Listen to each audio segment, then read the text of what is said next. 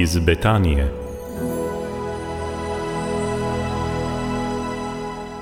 Tukaj je rubrika iz Betanije, tokrat obdeluje spolne zlorabe v cerkvi, ne lahka tema. Z menoj je Janez Cerar, ki ga prav lepo pozdravljam. Dobr dan in dobrodošli.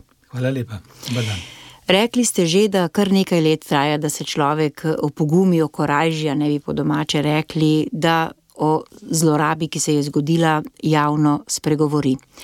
Verjetno pa človek z vedenjem ali kako drugače tudi sporoča, da nekaj, da nekaj ni v redu. Ali bi morda zdaj vi znali prepoznati ali priporočiti, recimo staršem ali morda vzgojiteljem, kateri so tisti znaki pri mladostnikih ali pri najstnikih, ki morda odkrivajo uh, kakšno tako zlorabo. Ali je to težko reči? To je zelo težko reči. Osebne izkušnje biti starš nimam, ker sem duhovnik, celibater, misionar. Poslušam pa starše. Včasih je to znamenje, da recimo pri fantih nekdo zelo rad ministrira, se, se druži z vrstniki v, v župniji, je pri sveti maši, po sveti maši obstane, kar naenkrat s tem želi prekiniti. E, da se poleg običajne najstniške e, zaprtosti vase, ko se pač življenje zdaj postavlja na ene pomembne temelje, zgodi tudi tista zaprtost, ki pa ni običajna, ki ni normalna. Popolna zaprtost vase. Da, da kar naenkrat prostor crkve, z veliko pisano, se pravi občestvo, slavljenje Kristusa in srečevanje z ljudmi, postane odvratna. To so signali, ki jim je vredno prisluhniti.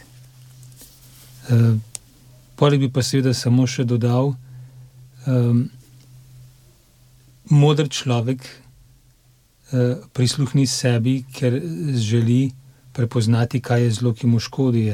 Modri starši prisluhnejo uh, sebi in svoji družini, ker želijo prepoznati, kaj je tisto, kar ne sodi v zakon oziroma v družino.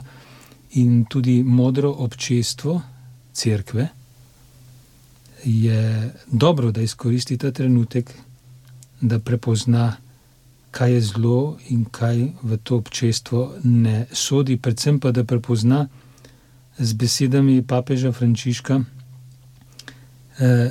da postane varen kraj za najranljivejše. To so otroci, mladi, odrasli, ranljivi, pa tudi, seveda, ostareli. Ja. Tisti, ki imamo crkvo v radi, hočemo verjeti, da je sveta, dobra mati, Kristusova nevesta, da smo njeno, del njenega zdravega telesa, pravzaprav lajki, duhovniki in vsi, ki radi živimo v tej crkvi in smo povezani v skrivnostnem Kristusovem telesu. Je pa že tako, da je žal resnica malce drugačna, in ko načenjamo take teme, kot je ta, je potem vedno del ljudstva Božjega tako obrnjen, da bo raje veroval v sveto crkv, samo da ne bi slišal teh težkih obsodb, češ, a zdaj bomo pa še crkv blatili, ko je že tako ali tako vse narobe. Zakaj po vašem mnenju je to tako? Meni pri tem zelo pomaga papežev pismo Božjemu ljudstvu, ki ga je avgusta 2018, potem ko se je dogodilo to strašno poročilo iz Pensilvanije, papež namenil svoje poročilo vesoljni cerkvi. Tam kot vzrok zlorab omenja klerikalizem. In sicer pravi takole, da gre za klerikalizem, ki ga podpirajo tako duhovniki sami, kot tudi laiki. In ta klerikalizem povzroča stanje v cerkvi, ki spodbuja ali pa omogoča mnoga stran pota, ki jih potem papež omenja v pismu.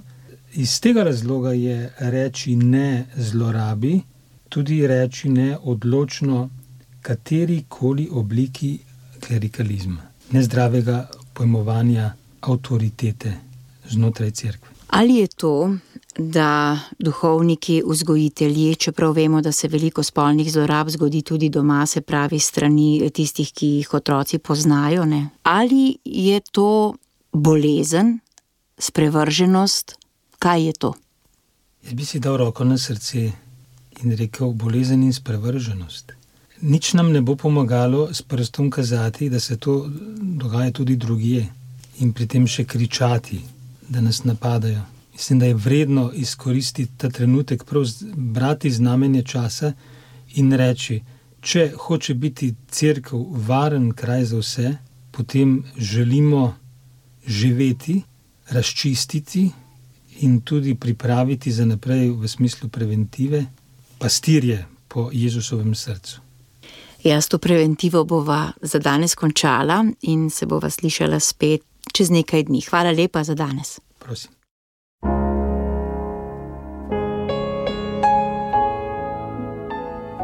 Iz Betanije.